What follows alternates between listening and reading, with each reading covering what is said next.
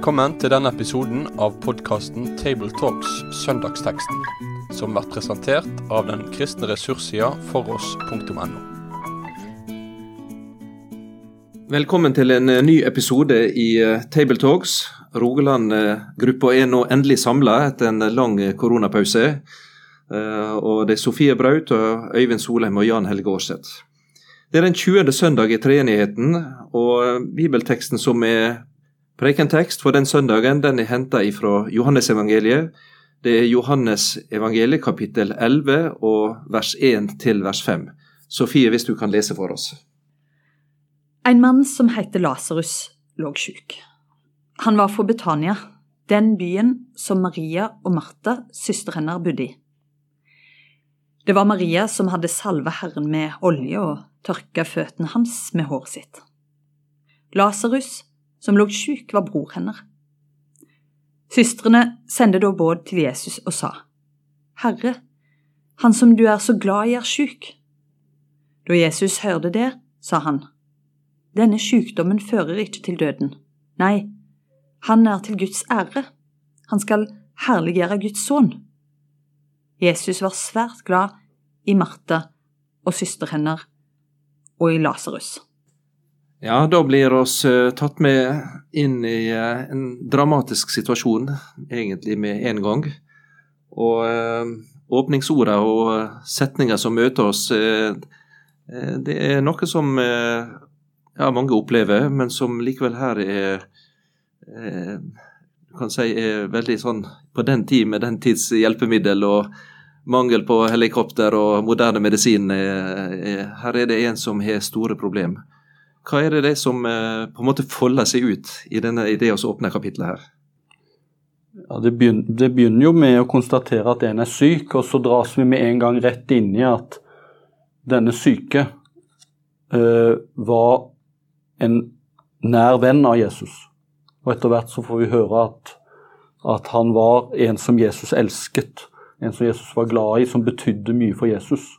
Og så videre alle tre søsknene. Så vi dras inn i at Jesus hadde noen nære venner, og nå opplevde han altså at en av hans kjære venner var syk, og syk til, til døden. Det skjønner vi på en måte ut ifra det som, som, sies her. Eh, at eh, han som du elsker er syk, sier de kort, men rett etterpå så snakkes det om at denne sykdommen ikke er til døden, men skal på en måte eh, gjøre ære på Jesus som Guds sønn. Men vi skjønner at det er sykdom til døden her, altså. Ja, det er jo egentlig veldig sånn når du bare leser gjennom denne, eh, denne eh, på en måte presentasjonen av problemet her, så, så står det jo en del mellom linjene her om, om, relasjoner og om Jesu nettverk og, og om, eh, om, det som på en måte foregår litt utenfor akkurat det som står på linjene. da. Det er jo veldig spennende med denne teksten. Bare for å nøste litt opp i opplysningene som blir gitt i vers 1. Her er det er altså blitt sagt at denne, her er de tre søsken. Vi og får greie på at de bor i en eh, relativt liten by som heter Betania. Plasseringa på den det er ca. 3 km sørøst for hovedstaden Jerusalem. Og så vet samtidig at Jesus, da, som vokste opp i, nord, i Galilea, i Nasaret og senere Kapernaum, som jødisk mann og sammen med andre, de reiste til Jerusalem i høgtidene. Eh, og jeg tror vel at de fleste både tror og mener at eh, dette var en heim og venner av Jesus der han ofte bodde. Eh, I høgtidene, når han var i Jerusalem, så tok han inn der og var hos disse søsknene. Ja, jeg syns det er nydelig på en måte skildra av hvordan Jesus' sanne menneskelighet viser seg her. At han hadde venner som han, og et hjem faktisk som han kunne slappe av i og senke skuldrene. Og så tror vi jo det samme hjemmet i den landsbyen som omtales òg i i Lukas 10, hvor Jesus er sammen med Martha og, og Maria. Så, men, men er, hva, hva, vet vi om disse her tre? ja, Der er de som mener, altså da fra Lukas kapittel 10, som du Øyvind nevnte på, det, da er denne heimen beskreven. Uh, og i vers uh, eh, 30 8 i uh, Lukas kapittel 10 så uh, står det om Martha da, at hun tok imot Jesus i sitt hus. Uh, og Enkelte vil da legge det ut at hun som kvinne, som da etter den tid vanligvis ikke hadde eiendom, hun vil være på en måte ha eget hus i den kraft at hun er enke. At hun var gift og hadde en mann, og at mannen er gått bort. og Da blir hun som enke sittende igjen med eiendommen og huset. Og Hun har da søsknene boende hos seg, både Maria og Lasarus. Og kanskje da sannsynligvis er eldst av søskenflokken her. Eh, og Det er også hun som er den aktive i disse handlingene, også fra Lukas, som er den på en måte ansvarsfulle og styrer og steller med kjøkken og mat og alt som skal omkring. Og, og Maria den som da eh, Vel, hun blir sittende hos Jesus og bruker tida der. Ja. ja, vi aner jo noen personlighetstrekk uh, uh, i begge disse fortellingene om Maria og Martha. Martha som den med kanskje litt rastløst og flakkende sinn og ledertypen og sånt, mens Maria den mer tenksomme og, og, og kanskje dype. Og, og, kanskje som kan virke som har forstått Jesus på dypet mer enn noen annen, kanskje. Mens Lasarus får vi egentlig ikke høre så mye om, annet enn at Jesus eh, eh, det står at Jesus elsket han. Altså, det, det, så Lasarus vet vi jo ikke så veldig mye om. Men det er litt sånn sterkt òg, det der med at jeg, jeg føler jo at når en menneskelige sida her ved Jesus, altså disse her, disse her, relasjonene som han har, at de, selv om de er veldig sånn knapt beskrevet, så, så gir de sånn, sånn, For meg er det litt sånn trosstyrkende, rett og slett, å bare se at dette her var virkelige mennesker som virkelig betydde noe spesielt for, for Jesus. Så, eh, noen sier jo litt sånn med ja, at Jesus skulle favorisere noen, og, og det, det, er jo litt sånn Det viser jo at han var virkelig sant menneske, da. At han gikk inn i noen sånn spesielt nære relasjoner med noen som betydde ekstra masse for han. Så det syns jeg er fint å, for min del iallfall å dvele litt med. Jeg er helt enig, og jeg syns det er flott å se at Jesus også hadde behov for et gjestfritt hjem. Opplevde så mye etter hvert, og nå nærmer det seg jo den påsken han skulle lide og dø, hvor det var mye fiendskap, mange som var ute etter han, eh, særlig rundt Jerusalem. For vi forstår jo seinere i fortellingen at disiplene nølte jo med at de skulle reise til Betania Nettopp fordi eh, i kapittelet før var jo Jesus blitt trua med å, å bli steina til døde. sant? Så det var en voldsom fiendtlighet mot Jesus rundt dette her. Men så hadde han altså et gjestfritt hjem hvor han kunne hvile og senke skuldrene, og hvor han hadde noen som han var glad i, og som var glad i han. Ja, nå er dette på en måte en innledning også til uh, denne fortellinga som senere ute i kapittelet så blir oss med inn til heimen og møter denne fortellinga om Lasarus som da døde, og, og, det som skjedde omkring Lasarus sin grav der. Det oss ser at det der er en litt nærmere presentasjon av Maria. Hun var vel en som blant de første kristne var veldig godt kjent, spesielt pga. det som skjedde litt seinere, egentlig nærmere opp mot Jesu død. da der hun salver Jesus sine føtter med en dyr salve og tørker dem med håret sitt. Det er nevnt i de andre evangeliene også, så en ser vel at uh, Johannes-evangeliet her forutsetter at hun er en kjent person. Uh, som de kristne vet om og har hørt fortalt om uh, fra knytta til Jesu historie og lidelseshistorie. Og så kommer Lasarus på banen. Og han blir på en måte tilkjennegjort eller identifisert ut fra søstrene, egentlig. Det er på en måte det som på en måte er knytninga. Og, og, han er vel egentlig ikke en som er så velkjent fra resten av evangeliet? Nei, vi møter han vel egentlig bare, bare her, egentlig. Og, og, eh, men i hans evangelie så har han jo en, en, sentral plass her midt i evangeliet, og, og, enkelte har jo spekulert en del i dette at det står 'Han som du elsker', omtalt om Lasarus. For den uttrykksmåten finnes en del ellers i evangeliet som ofte er blitt forstått som at det er Johannes evangelisten sjøl, apostelen sjøl, som omtaler seg selv på den måten. Den disippel Jesus elsket, osv. Og, og så har noen tenkt at hm, nei, kanskje er det faktisk Lasarus som er den som Jesus elsket. For det står jo om han her, men så har de på en måte vi utvidet dette til å gjelde alle disse stedene som tradisjonen, altså Ireneus og Eusebius og andre har lært oss at handler om, om Johannes apostelen. Eh, at Lasarus var til stede ved det siste måltidet og ved korset osv. Eh, jeg tror kanskje det ikke Jeg vet ikke hva tenker dere om, om dette, men dette er iallfall Det er tydelig at denne uttrykksmåten om Lasarus er iallfall uh, veldig sterk og fin. da. At han, Jesus elsket Lasarus. Ja, en har vel, Det var Odd Sverre Hove som foreslo å kalle det for broderkjærlighetens søndag. altså Dette er at det på en måte er hovedsaken og temaet for dette her er, det går på dette med kjærligheten. Den menneskelig kjærlighet som eh, Jesus eh, viser, vennskapet som er så sterkt, og, og, og, også denne den, eh, kan si, broderkjærligheten som knytter en sammen på et åndelig vis. I denne heimen som Jesus er så knytta til. Ja, og så kan det vel være verdt å merke seg at i vers tre så brukes altså det om å elske, det er det uttrykket filein, altså venn, vennekjærlighet.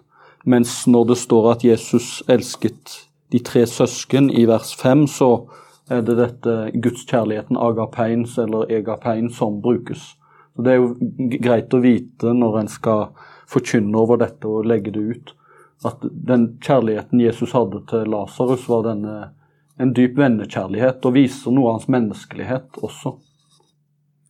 Eh, noen har eh, kalt vers 3 for en, en eh, mønsterbønn, eller en, et, et bønnevers. Hva på en måte kjennetegner vers 3 og dette presentasjonen av, av det problemet?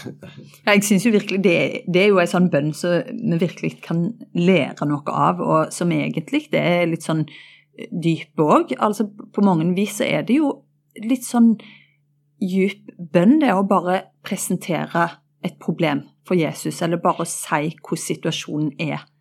Eh, for det vitner jo om en veldig tillit til at til at Jesus faktisk griper inn og vet hva som er best. Og jeg tenker jo fort på alle gangene jeg egentlig gjør helt motsatt. Jeg presenterer alle mine løsningsforslag eh, og ber om at eh, Jesus eh, må gripe inn på x, y, z måter.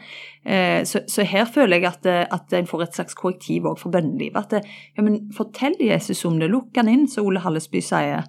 Eh, altså, si, eh, si det, hvordan, hvordan det er.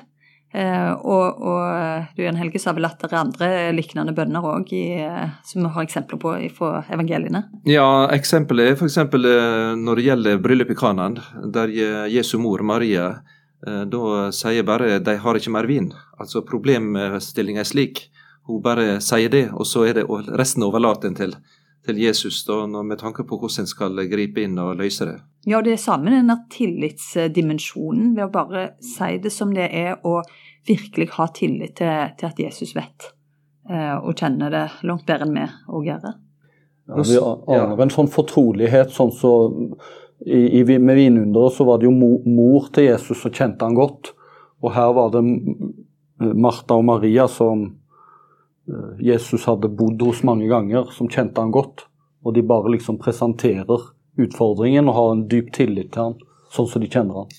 Eh, nå er Jesus svar og handling kanskje ikke helt slik som uh, søstrene så for seg. Det Skuffelsen kommer fram senere. I, når, det er når Martha, da, hvis vi tenker henne som er på en måte Eh, den som har eget hus som springer han i møte og inviterer han inn. Og, og, og, skuffelsen er vel til å ta og føle på, med tanke på Jesus sin uh, handlemåte. Ja, det der jeg tenker litt på det der med Bibelens realisme òg, liksom i omtalen av folk. at det, Selv om jeg får et kor godt korrektiv til bønnelivet her i vers 3, så tenker jeg at den senere utviklingen viser jo at det, det er virkelige mennesker Jesus har med å gjøre. Og selv om de kjenner han godt, så er de skuffet over at han blir to dager når de allerede har sagt at uh, Lasarus er, er dødssyk, da, som vi forstår at, uh, at, Jesus ser. Så der er jo den der veldig menneskelige dimensjonen igjen hos Jesu venner. Ja, begge kommer jo med eh, Vi aner iallfall noe av bebreidelsen. Hadde du vært her, så hadde han ikke vært død. Det sier Martha når hun møter han, og så sier i vers 21 er det vel, og så sier Maria det samme i, i, i 32. sånn at de de kjenner på en skuffelse over at han ikke er kommet. Og så tenker jeg at, at uh, dette viser at når en skal tale over disse fem versene, så, så, må en jo dras inn i det som skjer etterpå, på et eller annet vis. Selv om på en måte denne, disse fem versene tvinger oss til å fokusere litt på dette med dette vennehjemmet, dette, uh, denne relasjonen her, så er det klart at i vers 4 så introduseres vi for at denne sykdommen, når Jesus venter, da, så har jo han tanker for hvorfor han venter. Det er jo ikke fordi han ikke elsker dem, det er jo ikke fordi han ikke bryr seg. For sånn rett etter teksten vår så får vi jo nesten inntrykk av at altså, det siste verset sier at Jesus elsket dem med gudskjærligheten. Og i neste vers så sier han at han vil vente. Det er jo ikke den vanlige reaksjonen når noen du er glad i, er syke til døden. Sant? Altså, vi vil reagere med en gang med å bryte opp og, og dra hjem. Har disse ordene noe å lære oss om det å være kristen, og det å være menneske, og det å være sjuk? Og, og i møte med uskjærlighet? Hvordan skal en tilrettelegge dette på en god og bibelsk og trygg måte? Eller hva grøfter er der? Og der er vel ja, jeg, tror, jeg, tror, jo at dette viser oss veldig tydelig at, at Jesus og, og Nytestamentet anerkjenner vår opplevelse av at vi syns at Gud virker til å reagere seint og kanskje følelsesløst og kaldt. Men denne fortellingen viser at selv om vi opplever det sånn, så kommer han på en måte, når det kommer til stykket, ikke for seint allikevel. Han kommer i sin time, og han, han, han elsker jo Martha og Maria, og det, det viser han jo òg når han eh, møter de i sorgen og fortvilelsen. For det er jo faktisk et av de stedene i Bibelen hvor vi får mest innblikk i Jesu følelsesliv. Eh, faktisk. Ja, for følelseskall, følelseskald er han iallfall ikke hvis en ser fortsettelsen utover i kapittel 11 her. Det er vel uh, veldig sterke følelser i sving hos Jesus sjøl i møte med den heimen og, og, og, dødens realitet og det alvorlige i det. Uh, tenker på, vel, det, det er vel det som blir kalla for det korteste verset, ikke det det? Jesus gråt, ja. Og det er jo tydelig han blir jo veldig opprørt, og, og sånn som vi snakket om her eh, før vi begynte, at, at, han er opprørt på flere nivå. Han har denne veldig personlige relasjonen så, eh, så, og, og, alt det som følger med der, i hans sanne menneskelighet. Eh, og så er det jo litt at, det, at disse fortellingene her, så Johannes peker jo utover den konkrete situasjonen som vi er i òg. Og dermed så, så at Jesus gråt. Ja, han gråt både over dødens realitet og over Ja, det kan være mange ting som ligger i den gråten, men òg over han, han, står jo overfor sin største prøve sjøl òg. Så, så, her er det mange dimensjoner altså i det korte verset, og det er jo utrolig sånn sterkt når det blir så kortfattet og poengtert, føler jeg. Da er det enda mer rom til å ta del i det. Ja, og i, i, vers 33 og 38 så brukes jo et uttrykk hvor det står at han var opprørt i sitt indre eller i sin ånd. Og det uttrykket er visst et veldig sterkt uttrykk som på en måte uttrykker Kan uttrykke iallfall sinne, raseri. Eh, faktisk så er det en som snakker om at det er på en måte en uttrykksmåte som om hester bruker om snorting eller snøfting eller pusting, på en måte. Mens på mennesker så er det da på en måte en veldig sterk sinnsbevegelse. Og, og, og, kanskje nettopp raseriet i seg, og at vi aner at Jesus er opprørt og rasende på så å si dødens makt.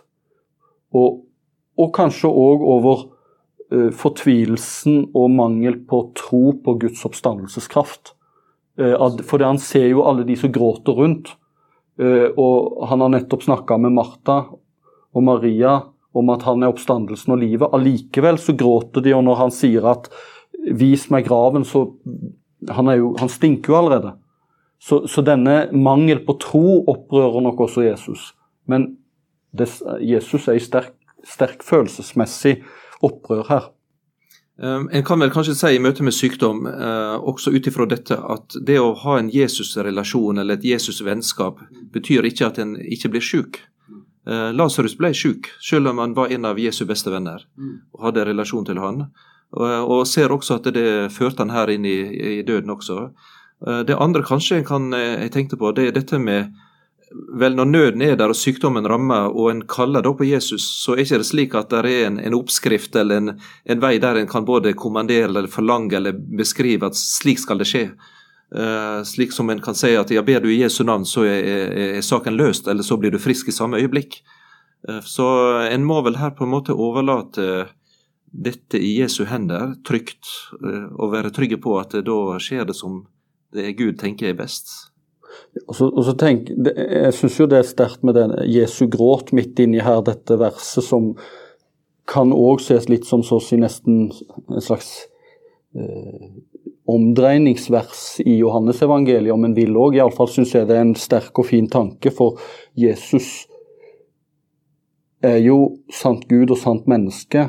Og han gråter over syndens og dødens konsekvenser, men også over den sorg og smerte som dette Og han gråter på en måte med oss. Og så er det jo verdt å merke seg det brukes forskjellige uttrykk om Jesu gråt og om Maria og jødene rundt.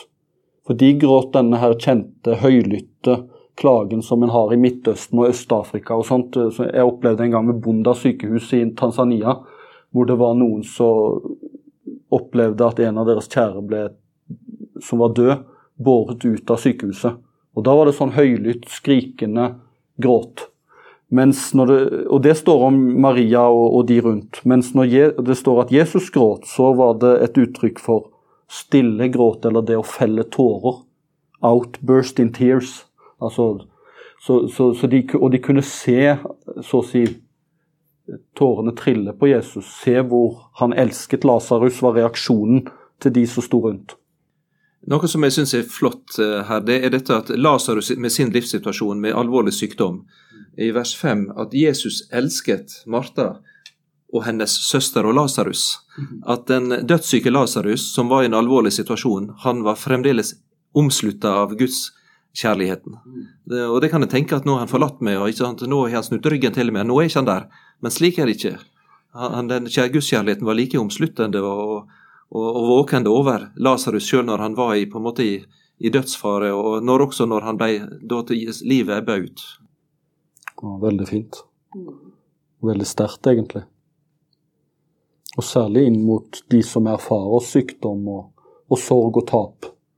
At de er omsluttet av hans eh, kjærlighet midt i alt.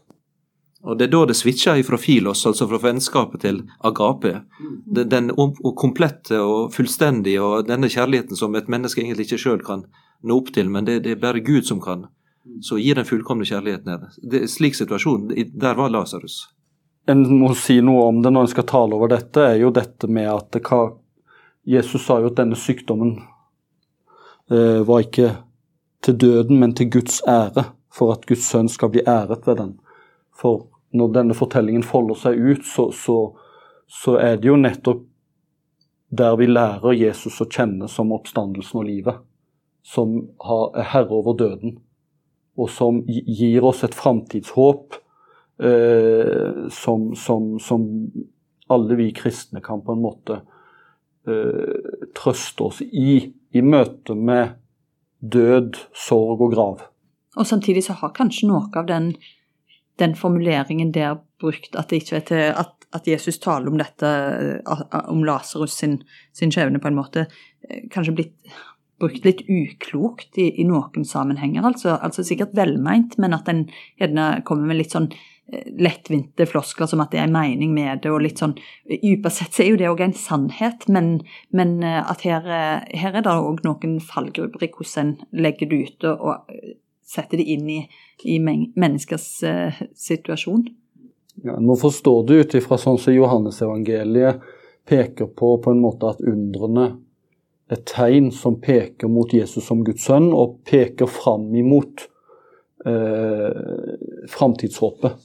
Eh, og at vi kan ikke ut fra disse enkelthendelsene tenke at enhver sykdom, enhver død, er ikke til døden, men for å gjøre ære på Guds sønn. Det, det, blir, det blir, en kortslutning, faktisk, midt i dette.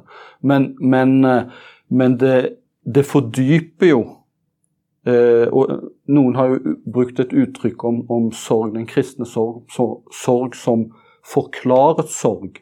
Altså at du, du sørger, men ikke som de andre, fordi du på dypet har nettopp håpet om at døden ikke har siste ordet. For du kjenner Han som er oppstandelsen og livet.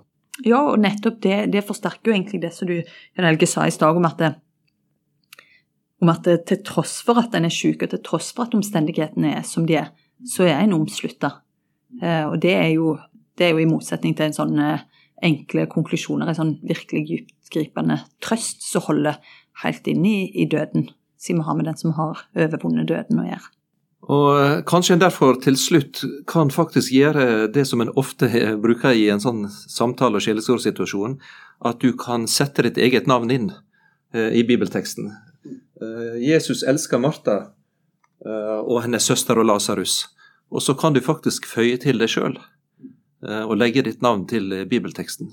og oppleve at det er en virkelighet som ikke bare Lasarus og Martha Maria opplevde og fikk se bli folda ut, men det også gjelder også dagen og hverdagen i, i dag. Med det sier vi takk for følget for denne gang. Finn flere ressurser, og vær gjerne med å støtte oss på foross.no.